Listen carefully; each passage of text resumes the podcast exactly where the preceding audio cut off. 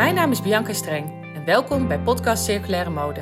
De podcast voor modeprofessionals en leiders in de textielindustrie die alles willen weten over de nieuwe standaard. Een circulaire textielketen in 2050. Ik geef je inspiratie, inzichten en verdieping door met de experts in gesprek te gaan over een visie voor een circulaire toekomst. Ik zie het al voor me. Jij ook? Dan kunnen we het samen creëren.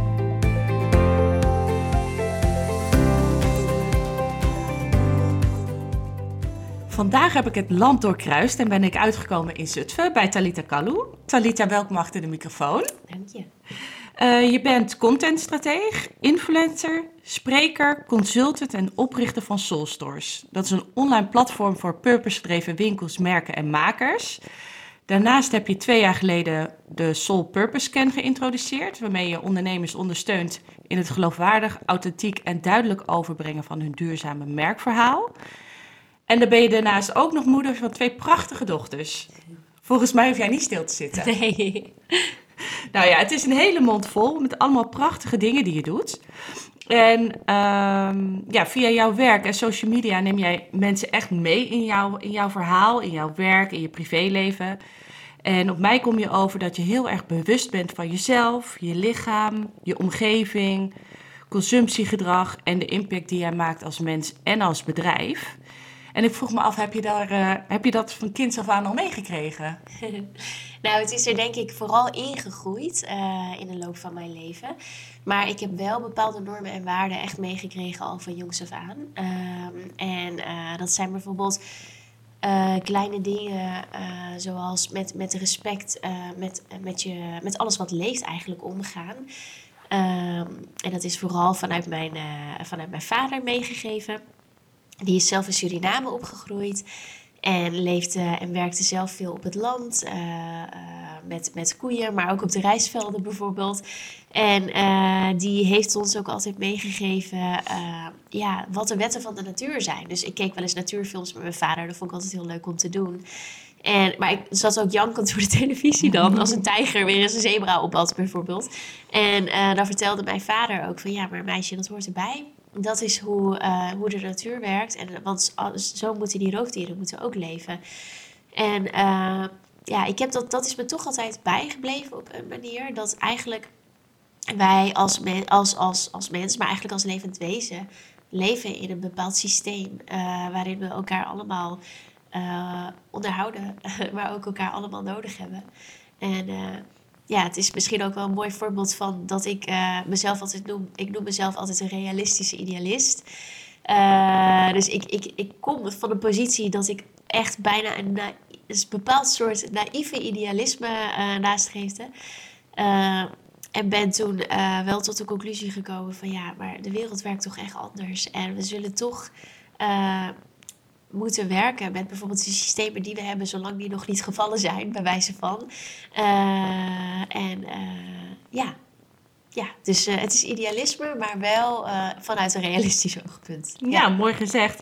Dan ben je ook vast heel groot fan van de films van David Attenborough. Ja, zeker. Ja, het is ja. fantastisch, hè? Ja, ja, ja vind ik ook. Ja heel mooi. Um, ja, die bewuste levensstijl, heb jij die altijd vastgehouden? Of heb je daar bijvoorbeeld ook nog tegen verzet toen je je eigen boontjes ging doppen of toen je puber was? Ja, goede vraag. Uh, even nadenken hoor. Nou, ik denk ongetwijfeld. Ik was, ik was niet zo'n typische puber, zeg maar. Dat ik, dat ik op een gegeven moment gewoon alles deed wat God verboden had. dat niet. Uh, bij mij heeft het er wel altijd in gezeten dat ik nooit echt bepaalde dingen begrepen heb wat mensen doen. Dus uh, bijvoorbeeld als puber, dan zie je dat je, uh, uh, ja, weet je, je, je, leert jezelf kennen, je eigen identiteit. Maar meiden onder elkaar bijvoorbeeld kunnen dan ook best wel gemeen naar elkaar zijn. Of, of, of anderen bekritiseren op bijvoorbeeld wat ze aan hebben of hoe ze eruit zien.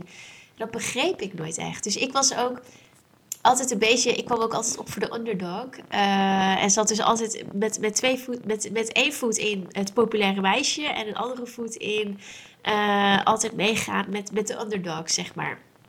Omdat ik ook vond dat zij uh, hun eigen verhaal hadden, zeg maar. En ook hun ja, dat er veel meer achter zat dan wat je ziet in hun uiterlijk. Ja. Ik heb zelfs nog bij, ik heb zelfs bij een psycholoog gezeten omdat, met de vraag: ja, ik lach mensen niet uit in de aula en mijn vriendinnen wel. ben ik nu raar? Oh, echt? Oh, eigenlijk best wel heel erg dat je dat dan ja. als, als puber ja. denkt. Ja, ja. Maar Terwijl het is eigenlijk de omgekeerde wereld. Het is eigenlijk de omgekeerde wereld. Maar dat is wel, ik vond dat wel een mooi voorbeeld van. En zonder dat ik mezelf wil bestempelen als een heilig boontje of iets dergelijks, maar meer, iets dergelijks, maar meer om te laten zien van in wat voor gekke wereld we eigenlijk leven. Dat je gaat twijfelen aan jezelf wanneer je besluit om gewoon mensen wel met respect te behandelen, bij wijze van. Dus dat is een hele andere ja, manier van, uh, ja, van denken. Ja, van denken en naar mensen kijken. Ja. En je vertelde net dat jouw vader uh, ja, jou eigenlijk wel uh, geïnspireerd heeft en heel veel heeft geleerd. Ja. Um, heb jij ook nog een rolmodel? Ja, dat is altijd een hele. Ik vind het altijd een hele moeilijke vraag. Uh, want ik, ik heb daar echt mijn kop op zitten breken van. Heb ik nou een rolmodel? Maar die heb ik eigenlijk niet echt. Uh, en uh, ja, ik, ik, weet ook niet, ik weet ook niet zo goed waarom. Het is meer dat ik denk dat ik niet echt iemand heb tegen wie ik opkijk. Maar er zijn bijvoorbeeld wel bepaalde mensen die mij kunnen inspireren om uh, acties die ze hebben gedaan. Of uh, de manier waarop ze in het leven staan. En dan heb je echt een cliché zoals Gandhi bijvoorbeeld. Ik vind dat heel mooi om uh, te zien hoe je ja, vanuit zo'n ja, vanuit echt, echt geweldloosheid ja, een beweging in gang kan zetten. dat, dat, dat, dat ja, past ook wel heel erg bij, bij hoe ik naar de wereld kijk. Uh, ja, en misschien moet ik ook wel zeggen dat ik ergens mijn eigen rolmodel wil zijn. Uh, en dat betekent ook dat ik mezelf daarin ook wel aan een hoge lat, langs een hoge lat hou. Dus uh, dat, ik, dat ik veel meer verantwoordelijkheden draag die ik moet dragen eigenlijk. Mm -hmm. en mezelf ook veel te veel dingen opleg die eigenlijk helemaal niet zozeer van mij zijn. Dus daarin zit er ook wel een grote les voor mij om te leren. Ja. ja. Ja, Gandhi, ik haal hem zelf ook wel eens aan. Ik zeg wel, uh, ik gebruik de quote wel eens: uh, be the change you wish to see in the world. ja, ja, Dat vind ik ook altijd een echt onwijs mooie. Nou ja, jij maakt ook uh, eigenlijk heel veel bewuste keuzes op het gebied van consumeren en van kleding. wat is jouw eerste herinnering aan mode? Ja, ja, goede vraag. Nou, mijn eerste herinnering aan mode is dat ik eigenlijk het altijd heel erg leuk vond om er leuk uit te zien. Dus ik was daar al heel vroeg mee bezig. Dus ik wilde altijd uh, die, van die mooie, lelijke jurken, weet je wel. Dus, dus, dus die je nu verschrikkelijk vindt, maar als klein meisje vind je dat fantastisch.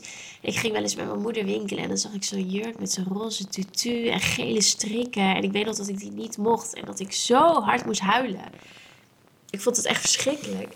En, uh, en, en, wat ik me ook vaak herinner is dat ik echt vaak moest huilen als ik iets niet mocht hebben wat ik zo graag wilde dragen. Uh, volgens mij heb ik dat zelfs nog wel gedaan toen ik best wel oud was. maar uh, ja, dus dat, dat is wel een soort herinnering die, die ik heb. Ik vond het blijkbaar heel belangrijk om mezelf door middel van kleding en mode ja, een bepaalde identiteit aan te meten. Ja, mooi. En uh, ja, jij, jij wilt jouw visie ook heel graag delen en, en, en overbrengen naar anderen. Waarom vind je dit zo belangrijk? Ja, uh, ja dat is uh, een hele goede vraag. Waarom ik dat zo belangrijk vind, is denk ik omdat uh, ik, ik denk dat er. Nou, ik geloof erin dat we allemaal een bepaalde manier hebben waarop we beïnvloed kunnen worden. En uh, voor de een gebeurt dat door middel van de tv bijvoorbeeld, uh, of door middel van een rolmodel uh, die, ze, die ze actief volgen. En, en sommigen kunnen dat waarschijnlijk ook hebben als ze mij volgen, bijvoorbeeld. Dus ik zie eigenlijk, en dat is ook een beetje teruggrijpend naar dat, dat, de rol van rolmodel eigenlijk, dat ik mezelf ook wel zie als iemand die op een bepaalde manier zaadjes zou kunnen planten. Uh, omdat ik uh, ja, uh, veel, mijn boodschap veel overbreng in het geschreven woord. En daar ligt ook mijn kracht. En ik merk ook dat mensen daarop aangaan of daarmee resoneren. En daarin zie ik het ook als ja, bijna een soort van mijn verantwoordelijkheid om daarin een positieve boodschap te, te verspreiden. En de kennis en ervaringen die ik heb over uh, en mijn kijk die ik heb op het gebied van duurzaamheid, die zou ik op die manier ook graag willen delen. En ook al is het maar een kleine groep mensen die daarop aangaat en die ik daarmee uh, zou kunnen inspireren om een duurzame verandering in hun leven door te voeren, dan is daarmee mijn missie al geslaagd. Ja, nou ja, ik denk dat je heel veel mensen inspireert. Als ik uh, vanuit mij bekijk in ieder geval. En um, pas jij dit ook toe bij Soul Stores? Ja, ja, zeker. Ja, Soulstores heb ik eigenlijk opgericht vanuit uh, uh, ja, de behoefte om een platform te creëren waar mensen zowel enerzijds goed geïnformeerde keuzes kunnen maken op het gebied van duurzaamheid. En vervolgens ook weten waar ze terecht kunnen om dat te kunnen doen. En die koppeling miste ik wel eens. Dus uh, je hebt bijvoorbeeld een. je hebt wel blogs die zeggen van koop dit duurzame product bijvoorbeeld. Maar ik denk, wat ik juist niet zozeer wil stimuleren, is dat je maar blijft kopen. Maar dat je goed geïnformeerd bewuste keuzes kunt maken. En uh, uh, ja, op die manier probeer ik dus met Soulstores mijn steentje bij te dragen. Door dus die informatie te bieden. Bijvoorbeeld uh, de, ja, een voorbeeld dat voor één spijkerbroek 7000 liter water bijvoorbeeld wordt gebruikt en chemische stoffen die in, in het water belanden. Dat weten heel veel mensen niet. Uh, maar als je dat weet, dan wordt er een soort van iets getriggerd in je hoofd. Als het goed is, van oh, dat wist ik niet. Sommige mensen schrikken daarvan. Nou, andere mensen kunnen het misschien links laten liggen. Maar de mensen die daarvan schrikken, die kunnen misschien een omslag in hun hoofd maken van oh, maar kan dat dan ook anders? En om vervolgens vanuit die positie een duurzaam alternatief te kunnen bieden, dat, dat vind ik belangrijke zaadjes om te planten. En dat hoeft niet per se te betekenen dat iemand dan direct die duurzame spijkerbroek gaat kopen. Daar kan bijvoorbeeld een bepaalde tijd overheen gaan. Maar uiteindelijk hoop ik dat ze op een punt komen dat als ze in de winkel staan, in de Zara, dat ze op dat moment besluiten: nee, deze spijkerbroek koop ik niet. Ik stap toch even die andere winkel in en ik geef mij er maar dan wel iets meer geld uit, maar dan weet ik wel dat het goed zit, bijvoorbeeld. Ja. Dat is vooral wat ik met Soulstores hoop te bereiken. Ja, dan moet je als consument eigenlijk behoorlijk stevig in je schoenen staan, hè? Met alle fast fashion ketens om je heen en uh, twee spijkerbroeken voor 60 euro. Ja. Ja, absoluut. Daarom vind ik het ook altijd belangrijk om het verhaal achter een product te laten zien. Want ik geloof er echt in dat verhalen een product waarde geven. En als je dat verhaal vertelt, kun je bijvoorbeeld ook uh, prijs beter in perspectief plaatsen. Ja, ja. En jij stelt jezelf uh, ontzettend kwetsbaar op. En dat vind ik echt heel prachtig en bewonderenswaardig ook. Uh, denk je dat daarin ook de kracht zit als we het hebben over communicatie? Ja, zeker. Dat denk ik wel. Ja, ik denk dat het stukje kwetsbaarheid maakt ons menselijk. En als je uh, je wilt kunnen verbinden met een merk of met bijvoorbeeld de persoon achter het merk of een bedrijf, dan brengt het iemand veel dichterbij wanneer je dat menselijke aspect laat zien. En uh, ja, wij zijn natuurlijk, we leven in een wereld waarin we eigenlijk, ja, het is een hele mannelijke wereld eigenlijk. Waarin het er juist een beetje uitgeslagen is. Van je moet sterk in je schoenen staan. Je moet uh, niet lullen, maar poetsen. En vooral niet je kwetsbaarheid laten zien. Maar je kunt kwetsbaarheid ook vanuit een positie van kracht laten zien. En juist vanuit die positie van kracht kun je enerzijds mensen inspireren. En aan de andere kant ook met jou verbinden. Ja, heb je daar een voorbeeld van bijvoorbeeld? Hoe je dat uh, een keertje toegepast hebt? Of... Ja, ik denk dat het grootste voorbeeld, denk ik, uh, hoe ik dat zelf toepas, is mijn persoonlijke Instagram-account. Uh, waarin ik ook, ja, daarin benader ik duurzaamheid eigenlijk vanuit een veel breder perspectief. Ik zie het namelijk als een holistisch geheel, waarin je dat, duur, dat duurzaamheid niet iets, iets, iets is wat je doet of koopt, maar wat je echt doorleeft. En daar horen ook bijvoorbeeld bepaalde aspecten bij. Bijvoorbeeld dat je continu naar jezelf kijkt uh, jezelf durft te onderzoeken. Om te kijken van wat is mijn positie in deze, op deze wereld? Wat kom ik brengen op deze wereld? Maar ook uh, op welke manier kan ik impact maken bijvoorbeeld? En daar komen struggles bij kijken. Want daar kom je niet in één keer. En door die struggles te delen... en dus te laten zien van ja, ik wilde altijd bijvoorbeeld die vrouw zijn die ontzag uitstraalt bijvoorbeeld en sterk in de schoenen staat. Maar ik kwam erachter dat ik eigenlijk vooral mezelf nog zag als een heel klein meisje. En wat dat allemaal met mij gedaan heeft. En hoe ik uiteindelijk tot die sterke vrouw uh, die in haar kracht durft staan ben gekomen. Dat proces laten zien is juist hetgene wat resoneert met mensen. En wat mensen ook stimuleert en denk ik ook juist, dus dan heb je weer die zaadjesplanten, om daarin ook naar zichzelf te kijken bijvoorbeeld. En dat bedoel ik vooral met een positie, vanuit een positie van kracht communiceren, maar daarin toch je kwetsbaarheid laten zien. Uh, en ik vind het bijvoorbeeld ook mooi dat er uh, uh, bedrijven zijn die echt het, het gezicht achter hun merk laten zien. Maar daarin bijvoorbeeld ook in de duurzaamheidsstrategie durven communiceren dat niet alles alleen maar goed gaat. Dus bijvoorbeeld, daarin is transparantie heel erg belangrijk. Uh, en dat je bijvoorbeeld ook kunt vertellen van ja, oké, wij vinden het belangrijk om onze duurzame materialen, om, om, om ons te focussen op duurzame materialen. Maar beseffen ook bijvoorbeeld dat wij onze producten nog uh, verzenden met een niet duurzame couriersdienst. Ik noem maar wat. En, uh, nou, en dat je dan ook uitlegt waarom je die keuze nog niet kunt maken. Dat, want dat, dat is denk ik ook iets wat, waar veel mensen niet stil bij staan. En waarom er vaak met een vingertje, met best wel een oordelend vingertje wordt gewezen. naar bedrijven die duurzame keuzes uh, communiceren of willen doorvoeren. Dat het gewoon een heel complex proces is. En dat het altijd een proces is van afwegingen maken. Maar een, uh, een gemiddelde consument, die weet dat niet. Nee. Dus door die afwegingen te communiceren, kun je ook veel meer begrip kweken bij mensen. Ja, ja dus zowel het kwetsbaar opstellen of, en heel erg transparant zijn, heel erg open zijn in je communicatie. Dat is dus eigenlijk de kracht. Ja, ja dat denk ik wel. Dat, dat, is, dat is ook echt mijn visie. Dat het, ik stimuleer ook vaak de merken en de ondernemers met wie ik werk van laat jezelf zien, laat je eigen stem horen. Uh, zodat een lezer, een klant, weet met wie ze zich verbinden. Ik geloof er echt in dat merken uh, van nu en in de toekomst, dat dat veel meer merken zijn, gaan zijn die community-based gaan worden. Dus dat je niet meer plat gaat, uh, kunt resoneren als klant met een product, maar met de hele visie erachter, met de persoon erachter, met het verhaal erachter. En dat je dan, als je eenmaal kiest voor zo'n product of voor zo'n merk, dat je daar dan een leven lang trouw aan bent, bij wijze van. Daar zit het ligt wel potentie. Absoluut, helemaal mee eens. Zeker weten.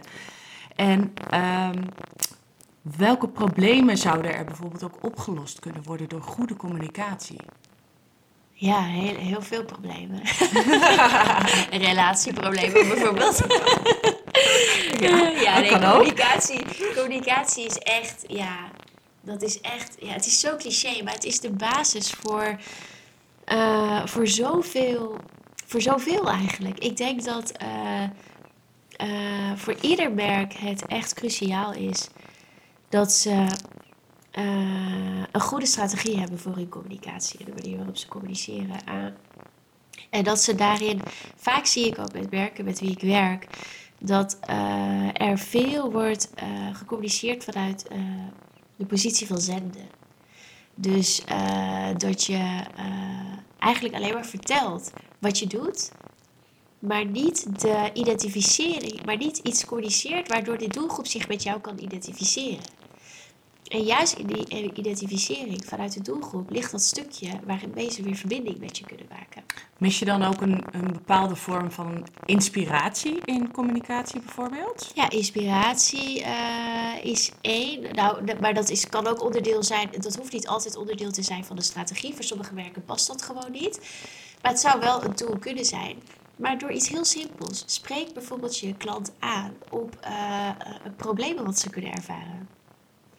Dus uh, ik doe maar wat. Als je een dienst aanbiedt op het gebied van duurzaamheid. je geeft bijvoorbeeld bedrijven adviezen hoe zij hun processen circulair kunnen, kunnen inrichten.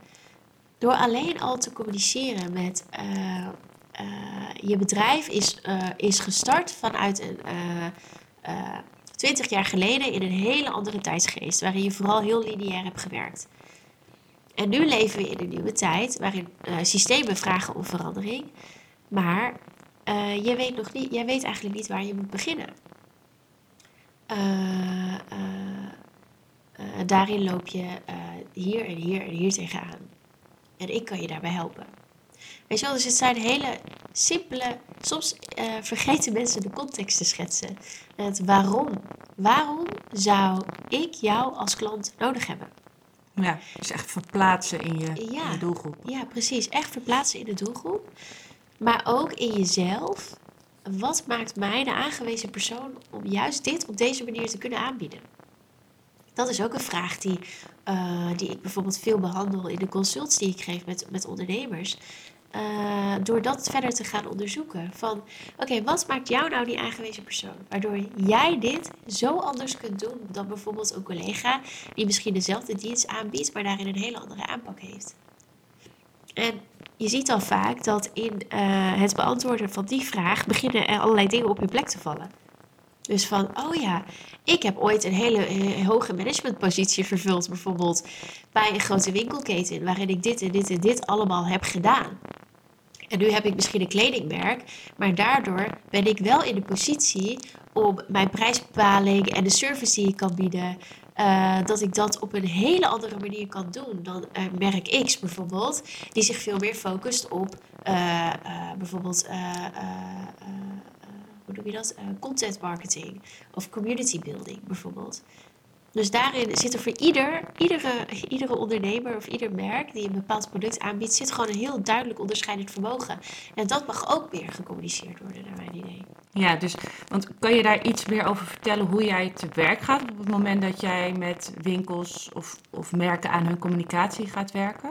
Hoe, ja. hoe werk je daaraan? Ja, uh, ja de, de, er zijn, mensen komen echt met hele verschillende vraagstukken bij me.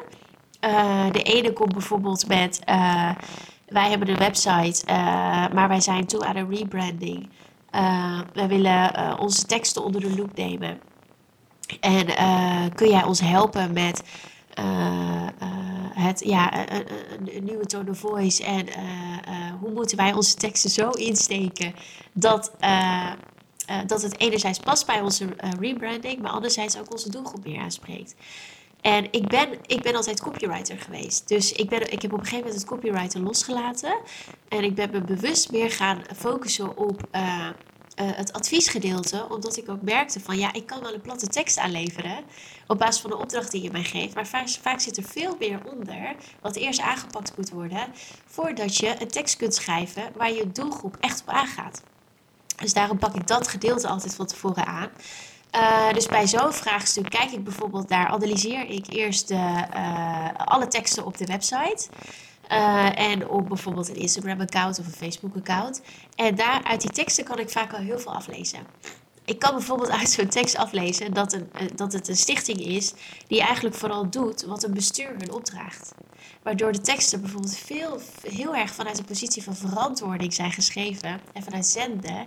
In plaats van dat ze geschreven zijn vanuit het opzoeken van interactie en dat ze iets willen verkopen.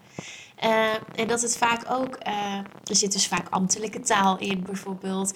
Of het is uh, ja, wat, wat, wat, wat wollig en hele, hele lange tekst. Omdat ze heel veel aan het uitleggen zijn. Ja, dus het mist eigenlijk zijn doel. Het mist eigenlijk zijn doel, ja. En wat ik dan eerst doe, is ik laat, persoon, ik laat de mensen met wie ik werk, laat ik dan eerst kijken naar, kijk, dit is wat ik heb gezien in jullie teksten, klopt dat? En dan zie je vaak al, dan, dan landt al het eerste zaadje. Die begint al te landen van, oh ja, dat klopt. Dit is inderdaad hoe ik iedere keer het riedeltje uitvoer als ik een nieuwsbrief schrijf of als ik een webtekst schrijf of wat dan ook. En dan komt vervolgens het stuk, hoe komt dat? Dus hoe komt het dat je, uh, dat je jezelf zo bescheiden opstelt? Of hoe komt het dat je het gevoel hebt dat je je moet verantwoorden? En dan kom je vaak in een dieper stuk uit. Uh, dat kan in teamverband zijn dat iemand op een verkeerde positie zit, bijvoorbeeld in zijn team. Of dat iemand eigenlijk het werk aan het uitvoeren is op een manier die niet helemaal bij uh, hem of haar past. Nou ja, dan kom je weer op natuurlijk hele andere vraagstukken uit. Uh, maar je kan ook op hele diepe uit, stukken uitkomen. Daar kom ik dus ook straks nog wat meer over vertellen.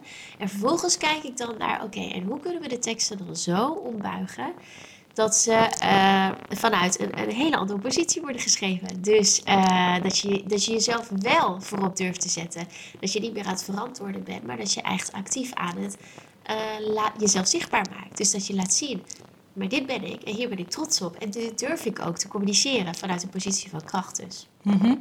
En daar past ook een andere tone of voice bij. En dan maak ik bijvoorbeeld een voorstel waarin je dus een tone of voice eh, eh, kunt aan, eh, voor een nieuwe tone of voice en voor een mission statement bijvoorbeeld, waarin je belofte en je boodschap en je doelgroep allemaal in één alinea is samengevat. En daar en vervolgens schrijven de mensen dan zelf hun teksten. Ja, dat is een vertrekpunt om Ja, vanuit een soort nieuwe manier van Ja. Praten en, en communiceren. Juist, want het, vaak denken mensen, ik heb teksten nodig. Maar Ja. dat is het niet. Je hebt eigenlijk een stuk daarvoor nodig om tot een besef te komen. Dat, want vaak zijn het communicatieafdelingen die prima hun eigen teksten kunnen schrijven. Ja, Dus ja, dus daarom, daarom pak ik vooral dat stuk daarvoor aan. ja, Maar ik werk bijvoorbeeld ook met zelfstandige ondernemers. Eh, die gewoon een eigen merk hebben of zelf ontwerper zijn. Die bijvoorbeeld met vraagstukken komen bij mij van ja, mijn, mijn, mijn, mijn, kleding verkoopt niet. Kun jij eens eh, mijn, mijn kanalen analyseren en kijken, dat is dus een soul purpose scan. En kijken van eh, waar, wat, wat, doe ik, wat moet ik anders doen? En dan kun je ook op stukken uitkomen. Bijvoorbeeld dat iemand een bepaalde prijs vraagt, bijvoorbeeld 500 euro voor een jurk, maar daar eigenlijk zelf niet echt achter staat. Of niet gelooft in die waarde van die jurk. ja. Ja, hoe komt dat dan?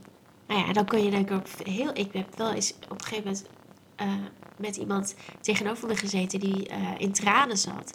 Omdat ze besefte dat zij vanuit haar gezin van herkomst bijvoorbeeld bepaalde dingen had meegemaakt. Waardoor ze niet geloofde in de kracht van haar product en de waarde, de prijs die zij hing aan haar eigen producten. Ja. ja, ik herken het wel hoor. Ik heb eh, ook mijn eigen, eigen merk gehad. Ja. En eh, dat was toch zeker inderdaad. Ik herken wel die worsteling. Van, Ja. ja. doe, ik het, eh, doe ik het wel goed? Spreek ik mijn klant goed aan? Ja. ja. Dus het is voor mij ook heel herkenbaar. Ja, mooi. En wat ik ook, ehm, wat ik ook vaak tegenkom, is bijvoorbeeld een stukje greenwashing. Ja. Eh, dat is een veelbesproken onderwerp op dit moment in de textielindustrie. Ja, En voor consumenten is het best wel heel moeilijk te beoordelen wat waarheid is en waar ze goed aan doen op het moment dat ze een product willen aanschaffen. ja, Ehm, maar ik denk dat het voor bedrijven zelf eigenlijk nog lastiger is om daarmee om te gaan. Want eh, je, je merkt dat ze soms bang zijn om iets te communiceren waar ze trots op zijn, omdat ze aan de andere kant weer bang zijn dat het onderuit gehaald wordt. ja. Eh, herken jij dat? Ja, absoluut. Ja, dat is een van de grootste angsten die ik terug zie komen bij eh, de bedrijven en de ondernemers met wie ik werk. Dat ze eigenlijk niet goed durven om een start te maken met hun, het communiceren van hun duurzaamheidsverhaal, omdat ze bang zijn om onder een vergrootglas te komen liggen. En ergens snap ik dat ook. Want eh, sommige consumenten kunnen ook wel echt meedogenloos zijn. Maar eh, vaak zie je ook dat daarin. eh, en daarom vind ik het zo belangrijk om ook die met Soulstores bijvoorbeeld die goed geïnformeerde keuzes te stimuleren. Dat ze daarin ook niet goed meegenomen worden of nog goed begrijpen waarom eh, bepaalde keuzes worden gemaakt of waarom niet in één keer alles aangepakt kan worden. Dus vandaar dat ik ook altijd zeg van neem je klanten, je consumenten, je community, je doelgroep, neem die mee in de afwegingen die jij maakt of moet maken om je duurzaamheidsstrategie te kunnen uitvoeren zoals jij dat wil. Dus ik zeg ook altijd, er zijn drie, eigenlijk drie pijlers die ik daarin belangrijk vind. Dat is authenticiteit, eh, geloofwaardigheid en duidelijkheid. Dus met authenticiteit bedoel ik vooral, blijf daarin heel dicht bij jezelf. Ga niet proberen iemand anders te zijn die jij niet bent. Want de consument prikt daar echt doorheen. En we zitten ook met eh, eh, eh, een, een, een, nieuwe generatie die. waarvan de bovenkant al kapitaalkrachtig aan het worden is. Die beginnen ook de arbeidsmarkt te betreden. Maar dat is ook een generatie die is opgegroeid als het ware met die smartphone in hun hand. Die weten dat zij, die weten hoe zij dingen, hoe zij zichzelf moeten informeren. En, eh, maar die prikken dus ook veel sneller door marketingpraatjes heen bijvoorbeeld. Dus daarom is juist die generatie ook zo op zoek naar authenticiteit. Dus blijf daarin dicht bij jezelf. En het meest authentieke waar ik dan in geloof is dat je dus ook je eigen, jezelf laat zien. Dus als persoon daarachter. Ja. Geloofwaardigheid is vooral dat stuk van eh, credibility. Dus enerzijds, eh, wie ben, waarom ben jij de aangewezen persoon om eh, eh, dit op deze manier te kunnen doen. Dus als jij een bedrijf bent die bijvoorbeeld begint met het eh, aanpassen van, ik noem maar wat, de materialen van je collectie. laat dan ook zien waarom je daarvoor kiest. En ook met welke partijen je daarmee samenwerkt. En waarom je juist, jij ja, dat juist kan doen. Bijvoorbeeld omdat je een jarenlange relatie met deze leverancier hebt opgebouwd. Waardoor je eh, met deze leverancier ook bepaalde gunstige prijzen kunt onderhandelen. Ik noem maar wat. Waardoor je de prijs misschien wat lager kunt houden. Dus, eh, want dat is vaak ook, en wat, dat snap ik ook, ik ben heel blij dat consumenten daar kritisch op zijn. Dat als een merk, bijvoorbeeld een zeeman, hun duurzaamheidsstrategie laat zien, maar nog steeds zo goedkoop is. Ja, Dan gaan er natuurlijk alarmbellen Ja. rinkelen. die vraag krijg ik overigens heel vaak. Ja, dat snap ik. Die krijg ik Eh, ook. bij bij eh, over Zeeman. Ik heb zelf ook eh, voor Zeeman gewerkt. Ja, En eh, ik moet zeggen, ik vind het bijvoorbeeld hun jaarverslagen altijd super duidelijk. ja ik ook. Ja. En heel erg eerlijk. Ja. Ook in waar ze nog stappen willen zetten. Juist. Ik vind En dat wat ze bereikt voorbeeld. hebben. Ik vind dat juist, juist een heel goed eh, voorbeeld van hoe je, het, eh, hoe je het kan laten zien. Ik ook, ik ook. En ik vind daarin dat Zeeman daarin eigenlijk wel, ja, ook dat stukje geloofwaardigheid, geloofwaardigheid goed toepast. Ze zijn wel een tijdje geleden, volgens mij was het vorig jaar of twee jaar geleden, even negatief in het nieuws geweest, geloof ik, samen met Wie. Dat toch bleek dat de kinderarbeid eh, te pas was gekomen aan eh, bepaalde collectie die ze hadden Mhm. gelanceerd. Weet jij dat toevallig? Nee, dat weet ik niet meer. Ik kan me nog wel herinneren. Ja, en dan, dan merk je dus van, oeh, dan zijn ze weer even tien punten gezakt, zeg maar, in Ja. geloofwaardigheid. Eh, maar ze, blijven, ze laten zich er niet door uit de weg slaan. Nee, ik wou net zeggen, ze, ze onthouden zich ook nooit van een eh, reactie. Precies. Ze zijn altijd heel erg open Ja, ze in en wat, dan, ja, wat dan de stappen zijn. En Ja. dat, dat zie je ze wel heel erg, vind ik. ik wat, jij, wat ik ook heel mooi vond, wat je net zei, is dat vooral de generatie die is opgegroeid met de telefoon Ja. in de hand, ook echt door een niet transparante boodschap heen prikken. Juist. Dus dat is een hele mooie prikkel voor, voor merken en, en Ja. bedrijven om dus echt heel goed te, te gaan kijken naar hun, eh, naar hun communicatie eh, Ja. voor de toekomst. Ook om die doelgroep te behouden, want ja, anders raak je ze kwijt. Anders ik, raak je ze kwijt. ik ja. moet zeggen, ik merk het ook al eh, aan mezelf. Nou ben ik niet opgegroeid met een, met een smartphone in mijn Nee. hand. Ik ben nog net niet zo jong meer. Nee, ik ook niet. overigens. Ehm. Maar goed, het, het, het vond ik wel, dat vind ik een mooi, ehm, mooi inzicht eigenlijk. Ja, en dat wordt dus alleen nog maar meer. Ja. Ehm, wat is jouw grootste eigen leermoment geweest op werkvlak? Heb je bijvoorbeeld wel eens geworsteld met het vertellen van een bepaald verhaal? Ja, absoluut. Ja. Eigenlijk is mijn merk een continue worsteling, in alle eerlijkheid. Dan maak ik mezelf weer lekker makkelijk. Maar dat komt ook omdat ik zelf ook meegroei met de tijd. Dus mijn boodschap, mijn eigen boodschap evolueert ook mee Ja. met de tijdsgeest. Ik hou ook altijd, ik, ik noem het altijd een soort van vingerspitsengevoel. Dus zij is een soort van mijn voelsprieten, waarin ik altijd een soort van intap op het collectief en kijk van waar gaan wij nu naartoe. En waardoor mijn, eh, bijvoorbeeld vijf jaar geleden ben ik misschien begonnen met duurzame kleding en biologisch katoen en eh, stop met de plastic zakjes, bij wijze van. Mhm. Ja, dat, dat, heeft, dat, dat houdt nu natuurlijk geen stand meer. En eh, ik ben blij dat we nu op een punt zijn gekomen dat steeds meer merken bijvoorbeeld kiezen voor biologisch katoen of in ieder geval BCI-katoen, bij wijze van. Waarin ik het wel belangrijk vind om even een kleine nuance. Dat consumenten er ook in meegenomen worden dat BCI bijvoorbeeld niet per se per definitie betekent dat het biologisch katoen is, maar dat het gewoon duurzamer katoen is. Ja. Die nuances is altijd wel heel belangrijk, vind ik. Zijn belangrijk. Maar eh, mijn eh, persoonlijke struggle, ook met Soul Stores, is in hoeverre is het nog houdbaar dat ik producten promoot? Oh ja. Dus dat ik aanzet Ja. tot, tot kopen. Want mijn missie is altijd geweest om bewust kopen te stimuleren. Maar eh, zit, zijn wij nog wel op een punt in ons leven, in de wereld, dat, eh, ja, dat die boodschap genoeg is? Ja, kijk, op het moment natuurlijk dat je eh, bewust consumeren promoot. Ik herken de struggle hoor. Ja, Ehm, en als dan het gevolg is dat er minder, in het geval van kleding, fast fashion wordt Ja. gekocht, eh, dan heeft het heel veel nut, vind ik persoonlijk. Ik geloof ook niet in een wereld waarin niet meer geconsumeerd kan en mag worden. nee. Ehm, maar het mag wel allemaal iets minder. Dus ja, Ja. ik snap de, de, de struggle wel, inderdaad. Ja, want als je het hebt over realistisch, realistische idealist, dan kom ik toch weer even daarop terug. Eh, er- ik heb wel eens de kritiek gekregen of, of gesprekken gehad met mensen van ja, we moeten eigenlijk allemaal stoppen met kopen. Eh, en waarom blijf je dit promoten? En dat ik dan ook zeg van ja, maar dat is niet de oplossing. Want als we allemaal stoppen met kopen, weet je hoeveel mensen er zonder werk komen te zitten? Die zonder inkomen komen te zitten. Het is ook een, een, een, een bepaalde vorm van levensonderhoud voor mensen. Mhm. Eh, voor economieën die, die anders gewoon compleet inklappen. Ja. Dus het is, en dan heb je het ook weer over het grotere geheel. Het is een systeem.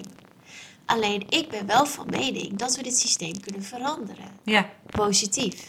ja, dus het gaat er vooral om waarom je iets doet en hoe je het doet. Juist, en precies wat jij zegt, wat minder.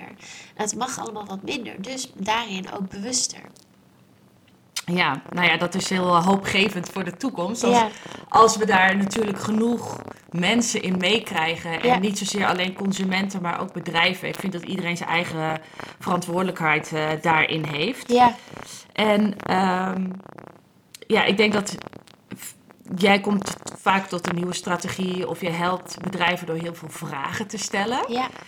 Ehm, ik vraag me wel eens af, worden er bijvoorbeeld wel eens genoeg confronterende vragen gesteld door de consument aan de politiek? Doet de- bijvoorbeeld de politiek hier genoeg aan?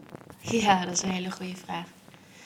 Nee, ik vind, ik vind dat, eh, dat, tenminste wat ik zie vanuit mijn eigen eh, eh, perspectief, dat vooral heel erg naar het vingertje gewezen wordt naar het bedrijfsleven. Terwijl ik vind dat, dat inderdaad de politiek, de overheid, wat grotere rol in mag nemen. Ja, Een grotere verantwoordelijkheid. Het is namelijk niet zo dat de verantwoordelijkheid alleen ligt bij de consument of alleen ligt bij het bedrijfsleven. Ook niet dat het alleen ligt bij de overheid. Het is een combinatie in mijn, in mijn eh, perspectief van die drie onderdelen bij elkaar. Die elkaar dus ook in een bepaald systeem eh, ondersteunen. Eh, want ja, ik begrijp ook wel dat bijvoorbeeld in het bedrijfsleven wordt geroepen van ja, wij kunnen deze verantwoordelijkheid niet in ons eentje dragen. Eh, wij hebben daarin ook bepaalde regelgeving nodig, bijvoorbeeld. Zodat, ik noem maar wat, er zijn veel merken hebben nog een veel te grote machtspositie. Veel ja, bijvoorbeeld bij inkopen of bij het inkopen bij grote fabrieken in lage lonenlanden bijvoorbeeld. Eh, waarom is het zo dat merken nog steeds zo'n positie van macht hebben dat zij zo een lage prijs kunnen uitonderhandelen en die fabrieken onder druk mogen zetten? ja, Maar ja, dan kom je toch op een stuk uit. Dat gebeurt over zee. Dus ik begrijp de complexiteit van dat je dat, dat zou je dus internationaal moeten kunnen reguleren. ja. Dus, ja, dus het is niet alleen politiek in Nederland natuurlijk. Het, het- is ook de politiek in de andere landen. Het is ook de is- politiek in andere landen, Ja. ja. Maar goed, ik denk, het is niet onmogelijk, denk ik, om dat aan te pakken. Maar de wil moet er zijn en de urgentie moet er zijn. Ja, Eh, ik ben alleen bang dat die urgentie pas komt wanneer het echt te laat is. ja, En, dat, en daar, eh, ik, ik zie die, die zorg wordt ook steeds groter, merk ik, collectief. ja, en daarin kan de politiek natuurlijk wel wat betekenen. Daarin kan de politiek zeker wat betekenen. Ja. En ik zie ook wel dingen gebeuren natuurlijk eh, in de politiek. Eh, en dan denk ik van ja, mooi dat dat gebeurt. Maar eh, volgens mij is Ploemen nu ook afgetreden. Ja. Dan denk klopt. ik ja, shit, Ja. denk ik dan. Daar gaat iets dus niet goed. Nee, Dan denk ik, ja, maar wat is er dan gebeurd? En, en waarom raken we haar dan kwijt? Weet je wel? ja, Dus, dus ik, ik zit daar al. ja, ik, vind, ik kan daar dus ook wel weer flink van balen. En uiteindelijk, als je dan kijkt naar de politiek, heb je toch altijd te maken met bepaalde belangen die toch de prioriteit krijgen. Dat, is, dat vind ik wel heel lastig om Ja. te zien. Ja, ja. het, eh, de textielindustrie staat niet eh, hoog genoeg op de staat agenda. niet hoog genoeg op de agenda. Nee. Nee, ja, dat, is, eh, dat is inderdaad heel erg jammer. Nou, Ja. Misschien moet ik binnenkort ook even een goede politicus uitnodigen, uitnodigen hier Nou, achter de zeker, microfoon. ja. Daar eens even wat kritische vragen over stellen? ja. Ehm, nou ik denk dat we wel ongeveer aan het einde zijn. Ehm, nou ben ik nog eh, benieuwd, Talita, kan jij ehm, bedrijven nog bepaalde tips meegeven? Want we zeiden het al, hè, er heerst een bepaalde angst om te vertellen over waar ze mee bezig zijn. bang om ergens van beschuldigd te worden van greenwashing of kritische vragen van consumenten. Heb jij waardevol advies voor bedrijven om mee te nemen naar de toekomst waar ze bij spreken morgen al mee kunnen beginnen? Ja, goede vraag. Ja, ik denk dat het belangrijkste is om jezelf te durven laten zien. Dus, en ook je kwetsbaarheid. Dus durf te laten zien uh, welke afwegingen je moet maken. Uh, durf transparant te zijn. Uh, en ook zet een keer die CEO op, op, op Instagram, bewijzen van. Weet je wel? Dat, wat, wat ook al, ook al ik, ik, ik, ik hoor dat vaker, dat je dan bijvoorbeeld grote ketens hebt die dan zeggen van ja, maar wij hebben de andere constructie van het bedrijf. Dus wij kunnen niet uh, de CEO daar op de voorgrond zetten. Want dat is de soul achter ons bedrijf. Dan denk ik, ja, laat die dan juist zien. Bijvoorbeeld bij Patagonia, dat vind ik een heel mooi voorbeeld. Patagonia weten we wie de, wie de oprichter is daarvan. En die, die komt ook regelmatig in beeld. Weet je, die laat zichzelf ook zien. Uh, maar om, om een persoonlijk voorbeeld te geven, Uniqlo bijvoorbeeld. Dat is dus een Japans retailmerk. Heeft geloof ik uit mijn hoofd 2200 winkels wereldwijd. Super groot. Uh, en uh, heel veel mensen zijn er fan van, wat ik ook snap. Twee jaar geleden, geloof ik, uit mijn hoofd zijn ze in, in Nederland uh, neergestreken op het Rokin.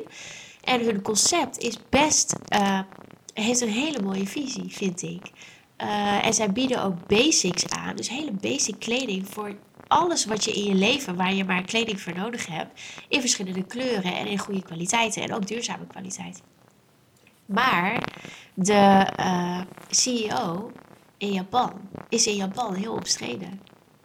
Dus, uh, dus als je vraagt naar Uniqlo in Japan, dan zeggen mensen, uh, dit, dit, heb ik via via gehoord hoor, dan hoor je vaak ja, maar die CEO is niet zuiver. Dus dan kun je uh, met zo'n duurzame strategie komen. Maar als de CEO niet zuiver is en geen zuivere dingen doet, dan steekt dat dus negatief af op je bedrijf. Ja. Dus daarin om ook te laten zien wat de andere kant kan zijn. Van uh, als zichtbaar is uh, wat je doet, zeg maar, wie de persoon erachter is. Mm -hmm. en hoe belangrijk het dus ook is voor je bedrijf om, het, om je duurzaamheidsstrategie intrinsiek te doorleven. Dus zet iemand in een managementpositie die zich volledig focust op het gebied van duurzaamheid. Uh, want de merken met wie ik vaak werk, die zijn al intrinsiek duurzaam. Dus daar, daarin is, is, weet je, daar hebben we al een hele mooie positie om mee te starten. Maar ik denk dat het probleem met greenwashing vooral zit met dat bedrijven, en de uitdaging ook, zijn ontstaan vanuit een, een hele andere tijdsgeest waarin dit nog helemaal niet aan de orde was. En vervolgens moet je meegaan met je tijd. Ja, het zijn de oude economiebedrijven. Hè? Oude economiebedrijven. Je hebt te maken met oude productieprocessen. Die nog heel erg op traditionele systemen zijn gestoeld. Dus, en dat weten mensen. Dat zijn stukjes wel die mensen weten. Dus bijvoorbeeld laatst heeft een groot cosmetica merk. Die heeft me dus bijvoorbeeld benaderd om... Uh, uh, te, te uh, om, om een soort van mini-campagne te voeren voor hun duurzame lijn. En dan denk ik, ja, maar en ze hadden een hele mooie sustainability page. Echt perfect. Maar, en, en dat ik toch even merkte van, oh ja, oké, maar dit geloof ik wel. Want oh ze hebben ook alle uh, medewerkers uit, hun, uit alle landen van de wereld... hebben ze een videoboodschap laten opnemen bijvoorbeeld. Uh, en ook laten zien waarom ze uh, dingen nog niet op deze manier hebben aangepakt bijvoorbeeld. Dus daar zijn ze ook best wel transparant geweest. Ja. Dus er is altijd eerst... Hmm, even twijfel is dit wel wat ik denk dat het is? En dan zie je dus wat er wel al bij mij als consument kan ontstaan. Van, oh ja, maar ze laten wel dit zien en dit zien en dit zien. En ik zie een gezicht erachter. En dat is belangrijk. Ja, hartstikke mooi. Nou, daar wil ik heel graag mee afsluiten. Ja. Onwijs bedankt voor je tijd. Dank je. Jij ook. Bedankt dat ik mijn verhaal mocht doen. Ja. Nou, heel graag gedaan. Bedankt voor het luisteren. Hopelijk heeft het je geïnspireerd of nieuwe inzichten gegeven. Benieuwd naar het verhaal van de volgende Gamechanger? Abonneer je dan op dit kanaal. Ook kan je me volgen op Instagram, Bianca Streng, of connecten via LinkedIn.